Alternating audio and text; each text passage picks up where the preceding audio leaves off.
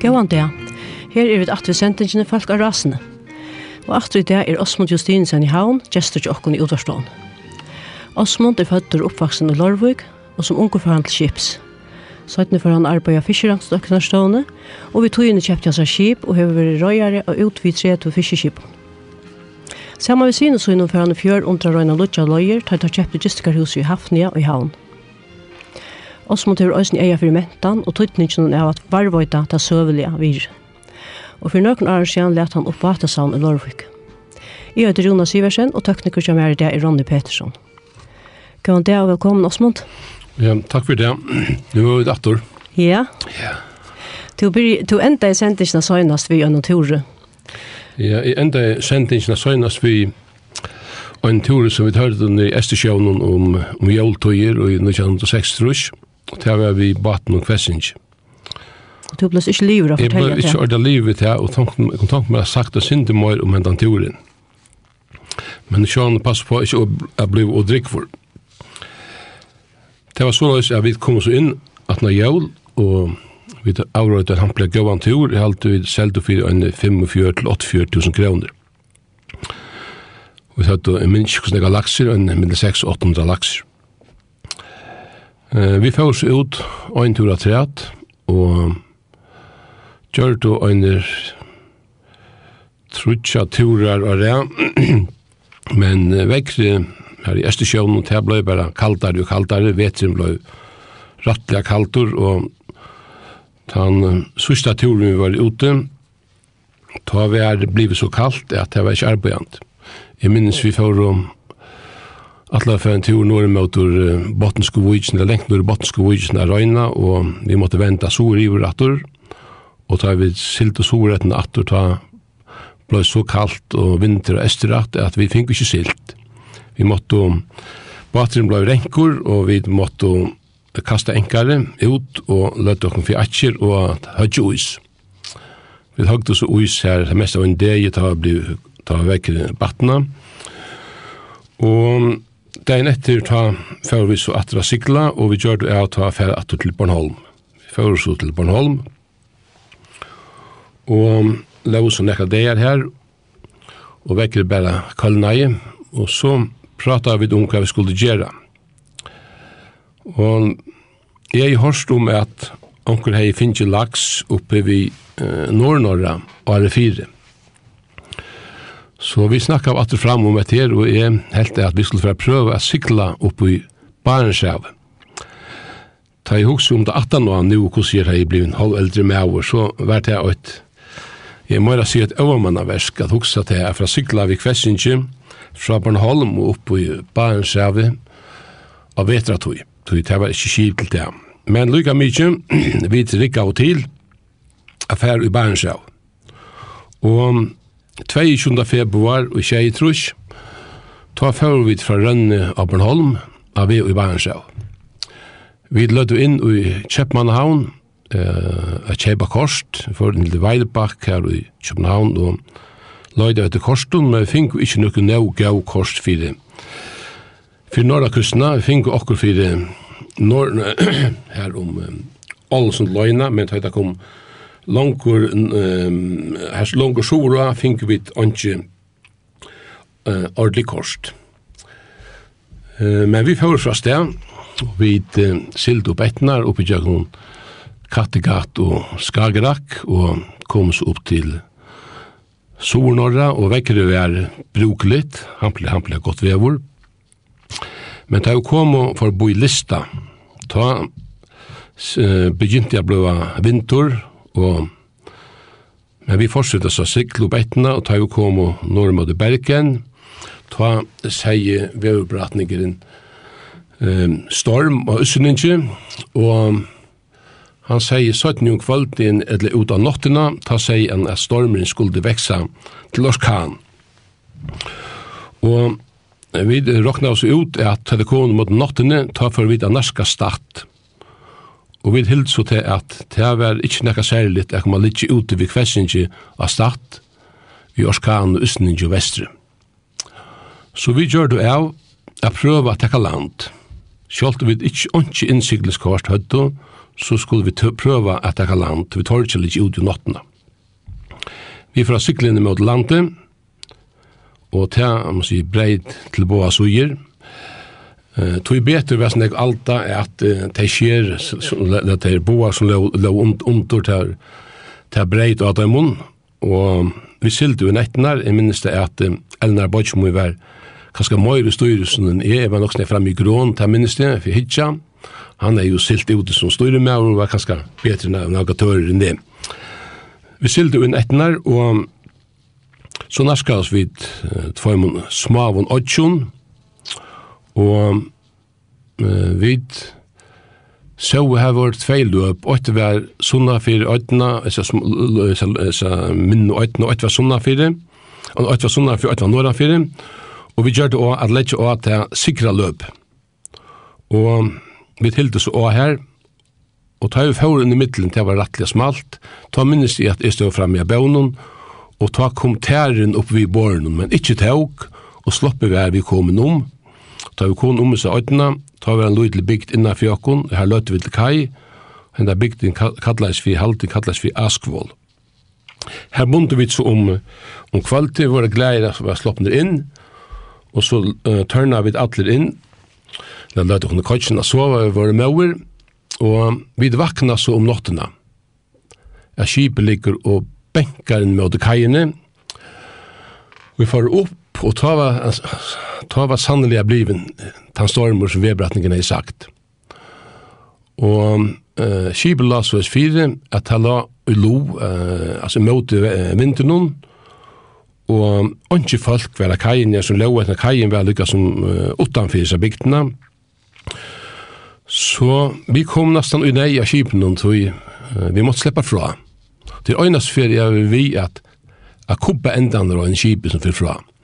Vi finko baten og lydsinti fra 18, og så bakka vi, så kubba vi den der.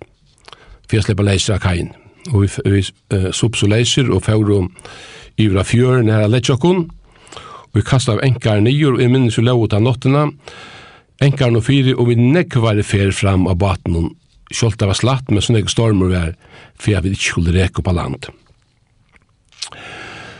Jeg må stytte om søvnene, og så Før vi den etter ble bedt i vevor, vi før så Uh, sikla et løyde sin til sår i vratur, tog i sunna for jokken var bygd inn la boiren flårø. Her fyrir vi så sår, og um, her atla vi da få lås til Ålesund, vi tar ikke sikla når Ålesund nå, utan vi tar det finnes lås innan kjærs. her kom så låsen bor, og, vi og finner låsa kom bor i, i flårø, Og han låsa jo okkur til um, Ålesund. Og i Ålesund lå vi så i seks døgn. Det var eleveur. Hette samme marsmannen som tar i Asursak og Foglabankan. Det var en sterk ringe marsmann. Vi lå så her seks dager, og så batna i vekkere syntur. Her lå en lå nekver um, nautabatar inne til. Det var snurspara, norske snurspara, Og lå samme vidtommen her. Og Og en morgen nu fer alle norske sildabatene ut, og nu hadde vi ånga lås, så vi hilde braten nå. Vi får at han åt om norske batene, og slå på leiser av Åtjennom her utanfor Ålesund, og så av sikla nord mot Bernsjøen. Vi sildu en dag, og sildu nekka ut av nasta dag. Så hilde vi at kanskje det hever rett at just øyna setu a prøva er for langt år. Det gjør det vidt, sett og en aseto, og vi finko, halde finko ein luttlan laks og flere soler. Det er det eneste som vi finko av. Men kvart nu, nu sier vevbrattniggeren atter som ringvever. Jeg vet at det er kjelt å høre på at det er sjå, men bare fortelle om ringvever, måtte måtte kunne fortelle om godt vev. Det kommer vi nok til. Men ta seg vevbrattniggeren atter, eller vever, og det er eneste fyrir jeg vil lykkes med heldig skipsrå på en skipet. Vi tås av saman vid menni var ikke snakk var fyra. Hva nu skulle gjerast? Skulle vi prøve å halte undan usningen og rettene når mot lovfoten og når barnsjave? Men vi blir øyne om til at nok, nei, nok best vær nok er for å prøve bare å vente nøsen i heim mot fyrjon. Det gjør vi. Vi får så at andre var heim mot fyrjon vinteren var blivet nok så, nok så frusk og ta. Andre at hun så rettene. Øsning, og ta og ta kom ut mot kvalte, ta kom atter og et ødnarvever og Og det var et ødnarvever av Øsningi, eller først Øsningi Sore, og så gikk det opp i Øsning Vestan. Og til halvtid er med å være en av ringast av natt som jeg har haft av sjøen og til vevor, til halvtid.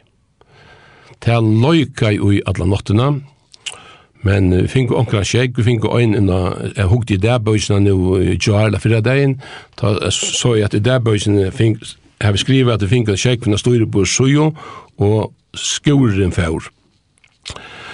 Lykka mykje, vi kom og etter omstående veldig på sjord. Lagarer ble holdfullt av skjegg, for mennene var enda vi alle var i styrelsen om nottena, da det kom nekt av nottena, til det var så vattnet der framme. Men Ta det kom mot mot. Jeg var så intern over ta. Ta dreia i vek, eh, dreia i vinteren, og han dreia i, det som sjoltan er, ta hei han veri usning i vestan, eh, og i nekla tøymar, og vinteren dreia i, og i landering estan. Te i sjoltan, og te er fire, at man utfyrir, at vinner dreia fra Østning til Vestri, hei han veri sunnan, så kunne jeg dreia opp landet i Estan, men at dreia fra Østning til Vestri og til landet i Estan, det er rattelig kjølsamt. Det må være tog at det er okkur anna løyde latrisk komi, som er vi i hølen av hinnun, og til latrisk er nok færre sunnan, for Estan fyrir jokken, hu gjørst til at vekker dreia i så løs. Um, og vi tog uh, fingers undavind, og vi hadde undavind lykken til å komme inn av fargagrunnen, og vi hadde nesten ikke navigera vi, og vi fikk oss så, man sier, båten, eh, jeg hadde ikke lov til 24, men vi eh, tar kom mot landgrunnen, men um, nå så ikke vi det skip forut, og vi fra sikla til det skipet, og ta var, en ta var det latte, ta var det Øysborg, Øysborg, vi finka vite at vi var utanfor Sandiabankan, så hilde vi et herfra og inn mot Unnøysøydene. Kom så av havnene, tan 11. mars og i Nøysjan Kjeitrush, og ta eh uh, tar man neck vi sjekk for i lugaren och framveis det finns lensan og glädje var vi tar vi kom til kai. og stort brått om att at säga att om den samma tur. Ta jag kom hem eh til hus bo i havnen så för når att vitcha mamma mina en øynlat for det at nå, og for å snakke om, om heimrøysene. Og hun sier for meg at, som alltid hun lustre etter vedbrattningi, fyllde vi, hun sier at hese nottene som de hadde slik vevor, ta fikk jeg ikke sove. Jeg kunne ikke sova av nottene, sier hun, og jeg får opp. Jeg var oppe alle nottene. og hun sier for meg at, eh, at hun ber fyr okkon alla nottene. Og hun sier eh, at eh, da det kom ut møte klokken 6-6, til vi tar vekk det eh, vinteren Jack og i eh, landet i Gestan. Ta, og i ta kom med 6 og 6 hun sier, ta kom så fri og rive meg. Og hun er, vil jeg vite, hadde kikk, foreldrene har hadde kikk ved Lorvik. Hon sier at ta for eh, om han er kjattlæren, og i mjölka i kunne, Heldig tolja, det ble severa fra åtta tøyna, nu var det mot tjei tøyna. I mjölka i kunne, sier hun, og så fyrir oppator, og jeg leie meg at sova, og ta sauna i et trygt. Hetta var så, som sagt, så og nottena som vi tatt om, et ødnarvekt. Ja. Nu hatt jeg tog i høyre en sang, Arve Fervojar. Ja, jeg vet ikke hva sang vi skulle velge, men vi tar jo aller halvdene det i dag. Jeg løyde etter noen sanns, ikke funnet det som jeg atleie, men jeg husker øyne for jeg sunko, jeg øyne for sunko som jeg esma fukle. Sunko en sang i esma fukle og kratret og eiler spalte harmoniko. Jeg hadde skulle prøve at høyre at han sannsjen i det, og han er ikke av.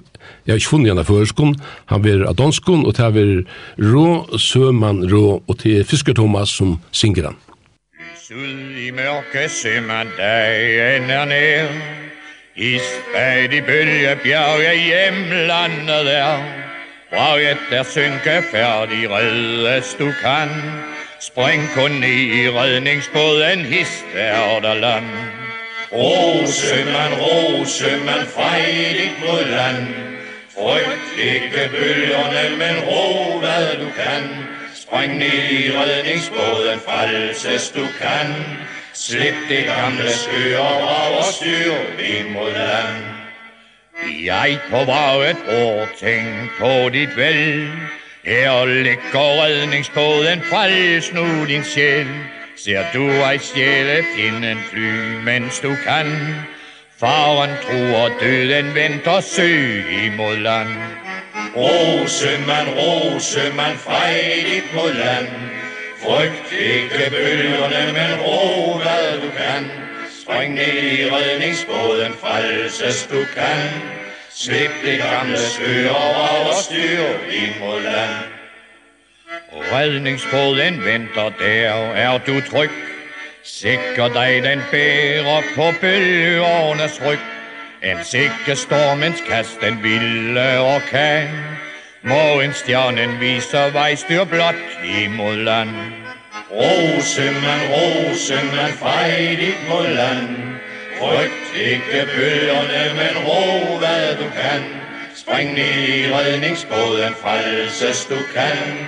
Slip de gamle skøer, brager styr imod land Opplykt HSM-en där en allsju Stormen läcker sig om mørket vårt flyr.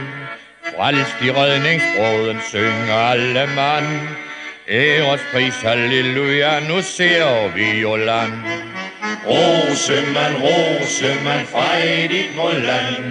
Frygt ikke bølgerne, men ro hvad du kan. Spring ned i redningsbåden, falses du kan. Skyt de gamle skyer over styr imod land. Ja, Osmund. Du leier så for land under kjent skjøytrus. Ja, ikke ordentlig, ja, ja. ja. Um, det var så at vi kom så hjem, og jeg var så um, heim av tog. vi. Vi gjør det akkurat luttla røynt vi kvessinje under fargen etter lakse, men da sette vi det for innanlega fingonga laks og gauost. Um, så kom så så ut en dag i bløvnen at um, sovan søkte etter følge. Og um, jeg tenkte hette kunne vi etter rettelig AHA Vest arbeid at Finche, at arbeid at fiskeransøknarsovane. Og jeg søkte søkte om at få arbeid her, og jeg fikk arbeid. Ta var fiskerannsvunna så var han ikke stør, hun var i tjallaren hun er Tinkanesi, og ta arbeid med fyra folk her, jeg Sverre var som leiare, Andreas Reinerst, og um, Arnold Henriksen, og Borgny var så skrivs og kvinna, og en annen minns ikke kvinna navn henne fra Arjen, og så var uh, Ranova skriv til kvinna søytene. Vi arbeid her i kjallaren og fiskerassene vi imist. Kanna, kanna fisk, imisk og slea, kanna altor og og imist anna og mestja fisk, mestja søy og søttene fyrir vi døysene at mestja laks. Det var kjøtt vi flottu fra Tinganissi og ut av Debusarjøen så var omstøvnar nek betri, og det kom òsne møyra folk sødne. At arbeid fiskeransanarstovene var sera avhåverst. Og til er en høyl søva for seg sjálvan, som det ikke var tog at tåsa så nekvom. Um, Fiskeransanarstovene hei ta Jens Christian Svabo som røynda skip, og vi gjør til nekvar røyndir. Um, sommar ta var Svabo hjelpa skip så sildaflåtan når for ferjar, og vi fyllt og silda gongtene, søtt og silda skipene fra, hva er silden støv, dette har vi funnet da, det har vi funnet sild, og av noen, og så var vi også hjelpa skip. Så da falt inn ekka skipen, så med å bli sjukur eller anna, så uh, hjelpte vi til det som vi kunne, og omkring det tog vi menn ombord og sildar inn til hans. Og eisen var, uh, var det hjelpa skip at han hatt at uh, sløypa av skip til lands med det finnes motorskeia. Men uh, det mest oververd at det var alle røyndene som vi gjørt. Og jeg har til at jeg har arbeidt nek vi laksafiskskapet, så minnes jeg sier vi akkur svære øyne for at det er interessant at jeg kjøpte en kasse av laksaløyne fra Bornholm og for jeg prøver etter lakse under fargen. Det var ikke rønt vi lagt et laks under fargen med løgnet, og ingen tror jo på det. At det var noen lakser å få at høyten ikke under fargen. Men eh, lykka mykje at eh, det kom ut av eh, heste her i tjeje trusk og uh, ut av ja, heste tjeje trusk halvt i det vær, det kan være iblant i det vær i åtte trusk. Ta bestilte vi en kassa av laksaløyene fra nere fra Bornholm og finka han opp til farger. Og det jo tar i 8 trus var det. Jeg minns nu. Uh, og vi uh, gjør det så svab og klaran til affæra av røyne til lakse. Og jeg minns at vi fjord av Klaksvøk, Polma Sunde og i Polma og i 8 trus. Vi får ut av Foglia bankan, og jeg skulle lykke som standa fyrir sin her, ta, at uh, prøve å gjøre røyndina, og jeg minnes at jeg har hørt uh, ofte fortalt fra at kvelabataner tar skot og ofte kvel så så lengt ur fogløyden, en trusfjørgar landring estan ur fogløyden. Så jeg har vært sånn jeg ætesøtter alltid. Så vi silt og så ut av til økken, lander i gestan ur fokløytene, minnes ikke fjørnega til vi sildi fra landi, men øyne 45 til trus fjørnega land sildi vi. Og vi sette så hendan kassan av laksaløyno, og det var ikke den ståra tryggvinn at det var å være snegg og Og det var godt laksavevur, og et, et låt, passali alt i sjøvnun, den fiska laks for løyne som var det helst ikke var stidlig. Og hun stod så en fem timer, Lynan, og så får vi å dreie. Og vi tar dreie nøkker, laksalunnen stender om man har vatten når man ser tundrene. Da er det tre dreie nøkker tundur, eller nøkker igjen, det tundur som vi kallar av hos her, åtta fanar i middelen.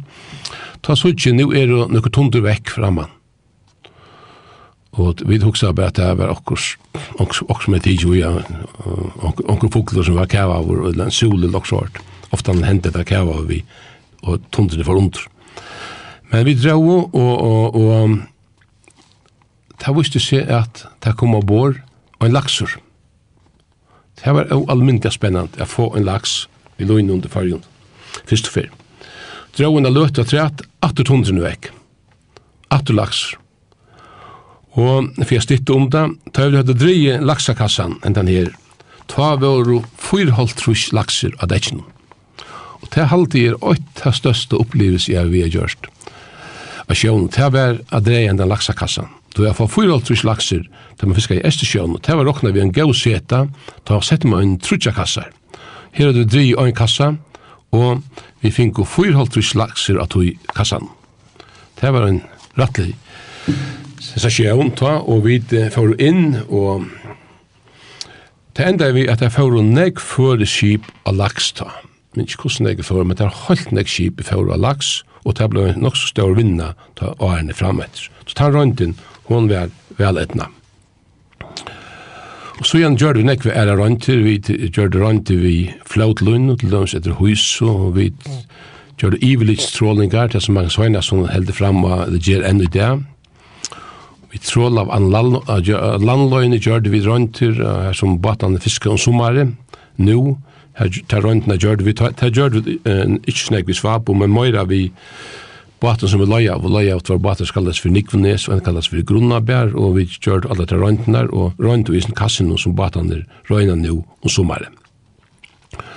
Så røyntu vi, vi gjør vi hummara røyntir, så gjør vi røyntir um, etter utnar fiske, vi leia av en danskan bat som fiskar, i, etter utnar fiske vi fargar, og vi var vi her, og Og det var også rettelig interessant. Vi fann noen flere løyer som det visste seg at det er bare til å fiske av utenlandsrolle, og det enda også vi at flere fører skip for å fiske utenlandsfisk under fargen.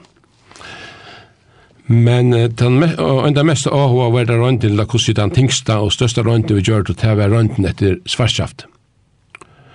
For rønten etter svartskaft her, og alle gjør rønten etter svartskaft her fra halvfjersen og ut etter, og uh, brukte i med skip, men det som vi brukte mest, 17. togjen, at her var Leivur Øssersson. Og til nok første svarskjøtta turer, første svarskjøtta lass som kom til ferger, henne finner vi vestan for Urland. Og det var et øyelig baks å få tanturen inn. Røyskapen som vi tatt, og trål, og, og påsar, og ikke helt, tog, uh, tog halene blir så mykje stør. Jeg kan minnes da vi finner det første støvre og halen, vi la i Østersund, at vi hadde vi hadde finnet det av bor, ta helt bare ikke, alt slitt nei nye blokk, og slitt nei nye, den blokken her som man hiver i påsan inn, og det var en, det var en, ja, ja, det var, det var en strutjen tur, men lykka mykje, vi finner opp i la i Østersund av svartskaftet, og det løst seg sannelig i øyne, og når vi gjør det rønt og så mot tog, Og takk om gong uh, svarskjata var inn 18 AT, og det var jo en rattlega gav inntrykk i kjelda sjåføren kan lyka til dagen og i dag. Ja, nu sier jeg til at du leist om land, men det er jo ikke om det var rattlega nek at han fyrir skrivar vår. Nei, altså, jo, jeg var nok sånn nek og heim òsne, det var jeg, altså, ta, ta var det til at um, kanna aldur av fiske og og gjør er imiska røynd til land. Til dømes var vi nok snakk saman vi just i tone, ta i han byrja jo på at ela fisk skala botne, og Fyrste, fyrste fiskur som var sett ut av kjegg fyrir fyrir av ela fiske, det var vitløysene, det var ein flætje som ble gjørt under i funnesbotne. Andreas Reinerst, Arnold Henriksen og jeg, vi smuja og hendan flækan, og han ble sett ut i funnesbotne, og det minnes var, det var mindre spennande, og om fiskeren tålte affæra i kjegv. Og, og det gjør det han tålte vel av vaks kjøtt av sjøvnen, og ikke vi brev, ja, det brev just, men altså vi gjør vidt det, og det var sier av Øysene, vi pratet arbeid i Sundale i Øysene, og da pratet Edmund Johansson, han pratet ofte han er vera vi her øsene, han det just nek vi er en kjenne ta, så det var, det var menga suttelt og hona litt. Ja, Arve for vi er Tor Ingstad torst en sang vi Tennessee Ernie Ford, som heter Rock of Ages. Ja, ja. Um, det må være at han uh, sangar som vi spalte mest i heimen og kunne her, så vi havnta i i halvfjersen og ute i forsene, det var Tennessee Ernie Ford og i tank med torst hendan sangen av det.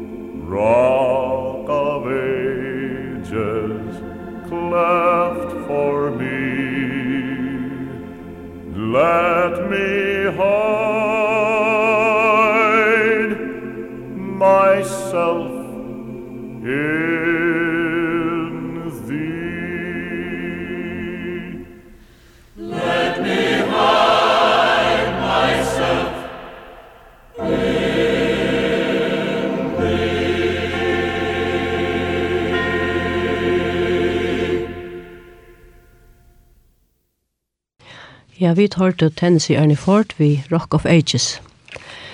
Eh, og vi kunne entertaka at vi er send, vi tar sendingen av folk og rasene og til Osmond Justinsen i havn som er gestur jokken. Osmond to eh, fortalte fra Fischeransøknarstående og hefte med vi at eh, tid eh, smuja av en fleka som du skulle bruka til røynter til. Jo, jeg synes det er spennende at tid var også sendt ut av smuja. Å oh, ja, ja, vi kjør du alt. Ja som gera skulder for jeg gera rønter. og da er man sier smuja, og det er smuja man ikke flekar til uh, alla fiskoi. Men det var såleis at vi uh, smuja av nekka rammer, og inn i rammen er her fyllte vi flamingo, for å få flekarna flauta, og så hongte vi ned ned ur flekarna, og løtte han av kjegv. Så det var smujingen, altså seg rammer, og få flamingo jo igjen. Um, jeg tog inn av fiskere sånne strovene, ikke om for jeg hadla langt nå, men jeg var her fra Kjei Trush og til um, vi underkjente 44 før, så vi alle er i Orlova sin drøyren. Men det var så løs at det kom ut til 1900 og fjers, medan jeg arbeidet fiskere sånne strovene. Jeg var alt, alle tøyene ser av hva vår og i utna fiskskapet, jeg er rønt nok slik at utna fisken i Norsjønnen, og sa øysene at nå tar kunde fiskas utna fisker vi farger. Og en dagen, eh, la, og en dagen, ta, um, og i sommaren, la, om, om sommaren 1904, ta, eh, her vi finnes en tekning sendande fra en svai munnen, som kallas for Karl Johan, han bor i Esbjerg, Han sendte meg bare teknikene bare så det som, for jeg viser meg hvordan lengt fram danskene var kommet nå da de hoksa om utna skip. Så det er skip som jeg silt vi i Esbjerg, der var skip på Holtrus og Fjers tons, og nu hadde Esbjergarne tekna og en utnarbåt som kunne tekka en 200-200 Holtrus tons. Og jeg finner ikke tekningsnavn. Og jeg har ongar, man sier ongar, middelar til å bytja nekka skip fyrir, Så kommer sommaren, ta kommer Arne Svavmoen som bor i Danmark og til farger, han, han var revisor i København.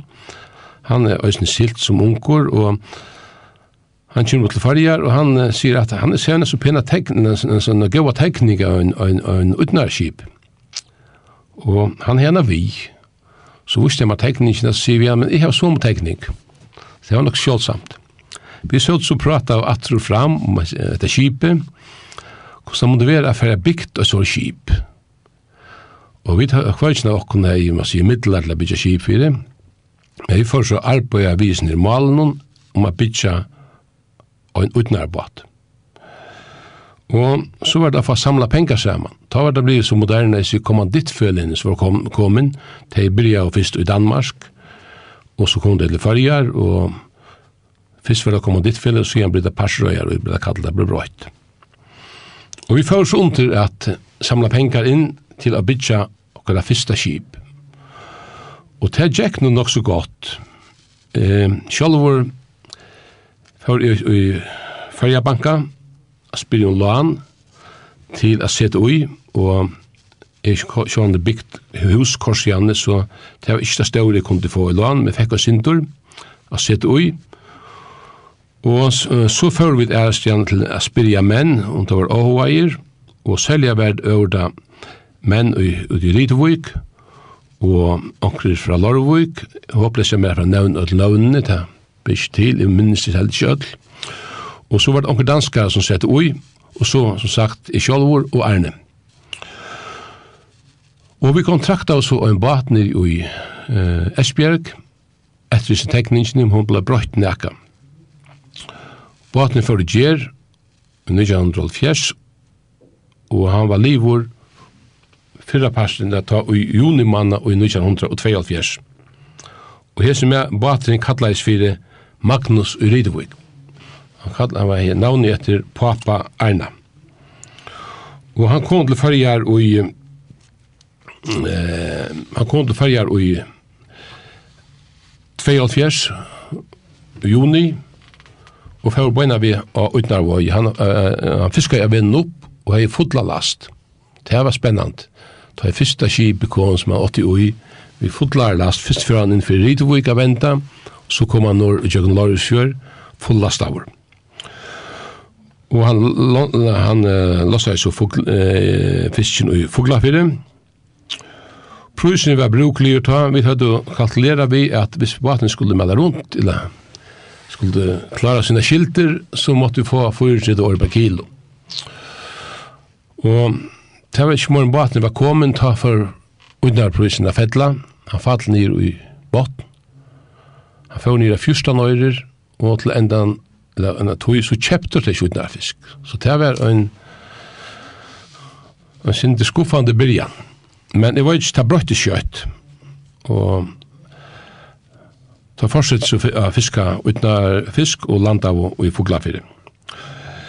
Vi får så kjøtt under a bytja åndeskip. Vi kontrakta oss og en bas som kallades fyrir korallfisk, nye løkstør, og så kontrakta vi skjøttnena, det var en bater en skrokkur som var bygd i, i Svøritje, og så kjøpte vi havborgjena Øysene. Og så kjøpte vi, bygd vi øyne med bata tre, som var livet i 84, og han kallet seg fire polarfisk. Så nå hadde vi fem skip. Så det her gikk rattlige kjøtt ved skipene sjåken. Og det var en, en, en, en, en hending av rundt hoi, jeg minnes at det var skiperne som var overtater som førde der, Jimmy Givnir de fleste av dem, Karl førde, Karl Ritvik, Karl Olsen førde Magnus Ritvik, Jakob Ekholm, han er framme i kipari, han er kipari ja. Vi det, Apollaria, og han uh, førde korallfisk, Elnar Bortsmun førde skjøttene, der har det Ritvik førde, der har det Åsen førte havbortsene, og Sigurd Simonsen Simensen Fuglafyr førde uh, polarfisk til første år.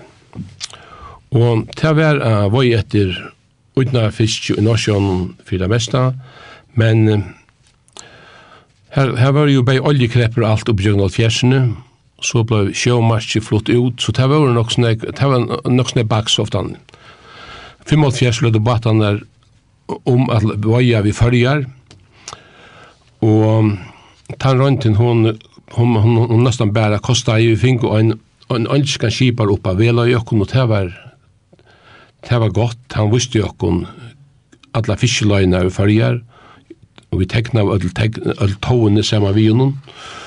Men det var bara en korstøy, så gav oss batane at vi färgar og for attur i Norsjegven at voja utnær fisk. Og ta var i gavst i fiskeransastlån, i gavst i 4,5 og, og blei så røyare bursre av. Og vi ståna ta et fela øysene som kallais fire fela i utnær kip, Og her ble vi formaver ut i felanen, og vi halde det var mest limer i felanen var vi 32 som var og det var 32 skip som fiska av utna fisk i Norsjøen, så det var en heile flåte. Batane som var lagt under ferger i 55, fyrir så 18 Norsjøkvinn, og veit oss i Norsjøen inntil 8 og 9 da kom 18 en øylig kreppa som var rattliga tung, og vi visste ikke hva skulle gjøre vi skipene, men vi tog så batene atter til färjar at fiska, og byrja av å ta at voja oppsave färjar. Ja, skulle vi ikke for å kvile øyrene eller løtte? Ja, um, vi kunne teka tan, tan, ja. tida sannsyn til å her. Ja. Ja, det er um, Whisper, Whispering Hope ved Jim Reeves. Ja, nettopp hun setter han fra.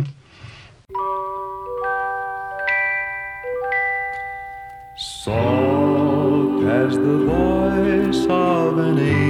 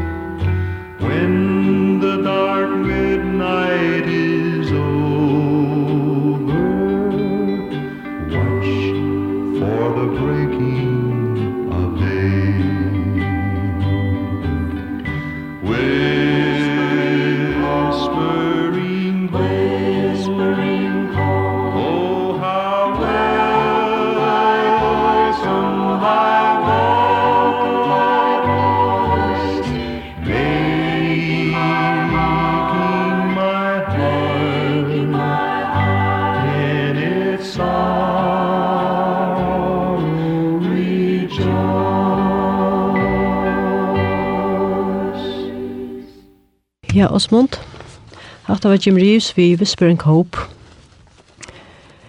Ehm og to uh, forteller om at lesa trålarna som tid kjøpte.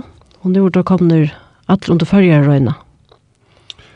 Ja, nu er det kommer under førre røyna, og ta rundt ut der, eller trålav som enkelt trålare.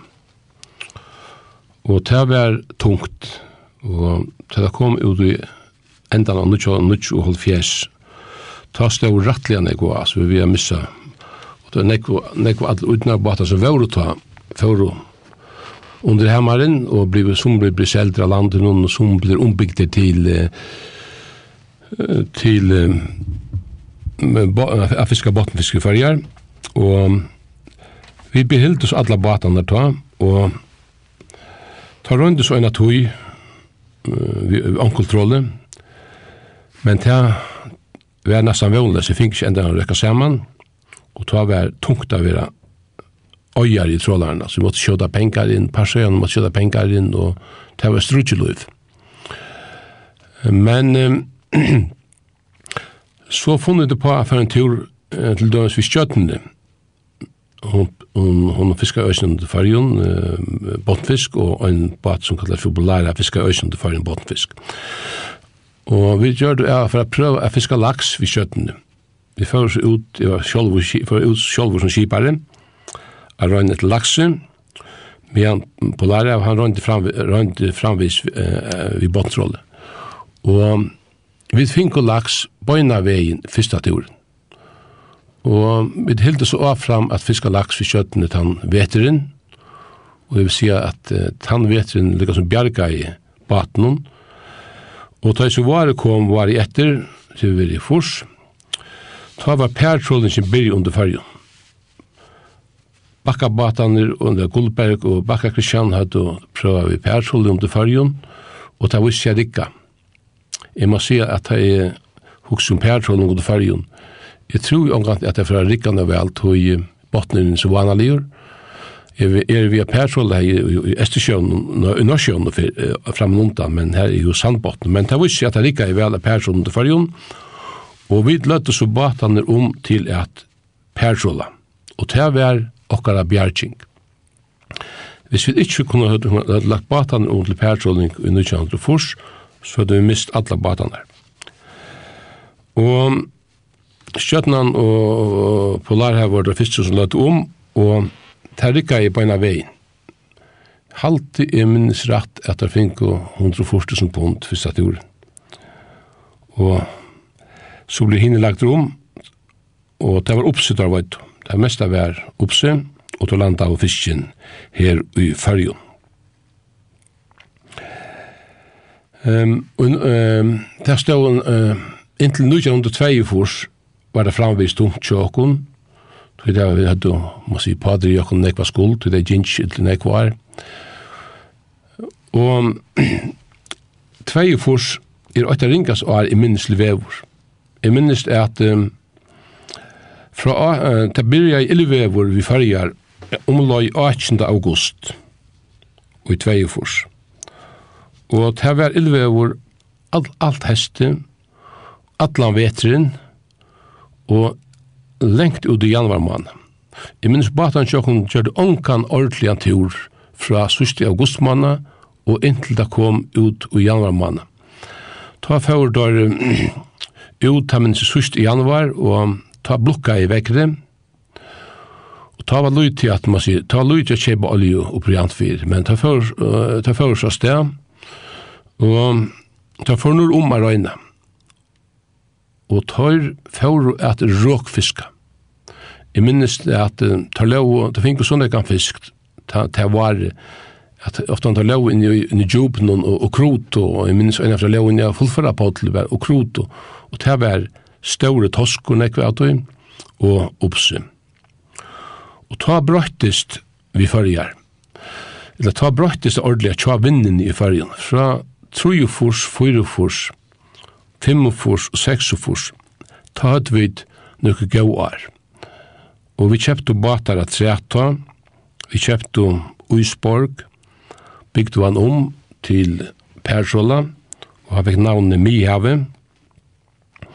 Og så kjøpte vi et øyn som kallas for Vestprøven, og han fikk navnet Norhave.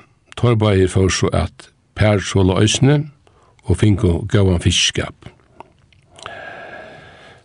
Og så gynko årene fram etnar, og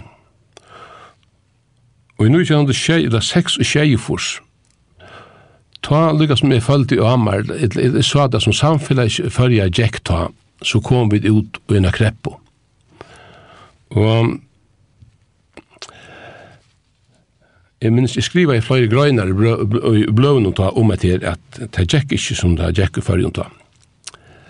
Stodningen til vinnene var bliven alt for høver, og ikke passer sammen. Lønarlega av landet passer slett ikke sammen vi, vi tar som fiskarprisen i Vauro, så måtte alt køres ut at du, at du beingla stodning, kalla det hva man vil, og samfunnet ikke åkken er ferdig å fjore ut av køyre. Og innflutningsløy vi hei, innflutningsbann hei veri, man kunne ikke bytja skip til enn tøy, så alle fører bytja gå mot skip om, som blir overhåndsstøyr. Og Ta det kom ut i 1900 og tjejfors, ta hoksa i om at vi måtte for å prøve å finne okkurs anna, for okkurs ærestegn er løyta etter, etter, etter, man sier, etter fiskeløyen, og ta gjør det vidt. Eh, en løyte innskått her under Jan tjejfors, og en dævor som er minnest og en av best, og i løyven, og det var under en tjejfors. Det var den 1. juni under en tjejfors. Ehm båtarna sjokken var ute, skjøttene tar var ute, og et per sjokken var ferdig nye til Danmarkar at landa. Og mamma mun la sjuk, eller hun la fyrir deian, som man sier, og jeg minns jeg er vakt i henne i nekra nætur, og jeg var ferdig til havnar en tur, tann, tan morgenen,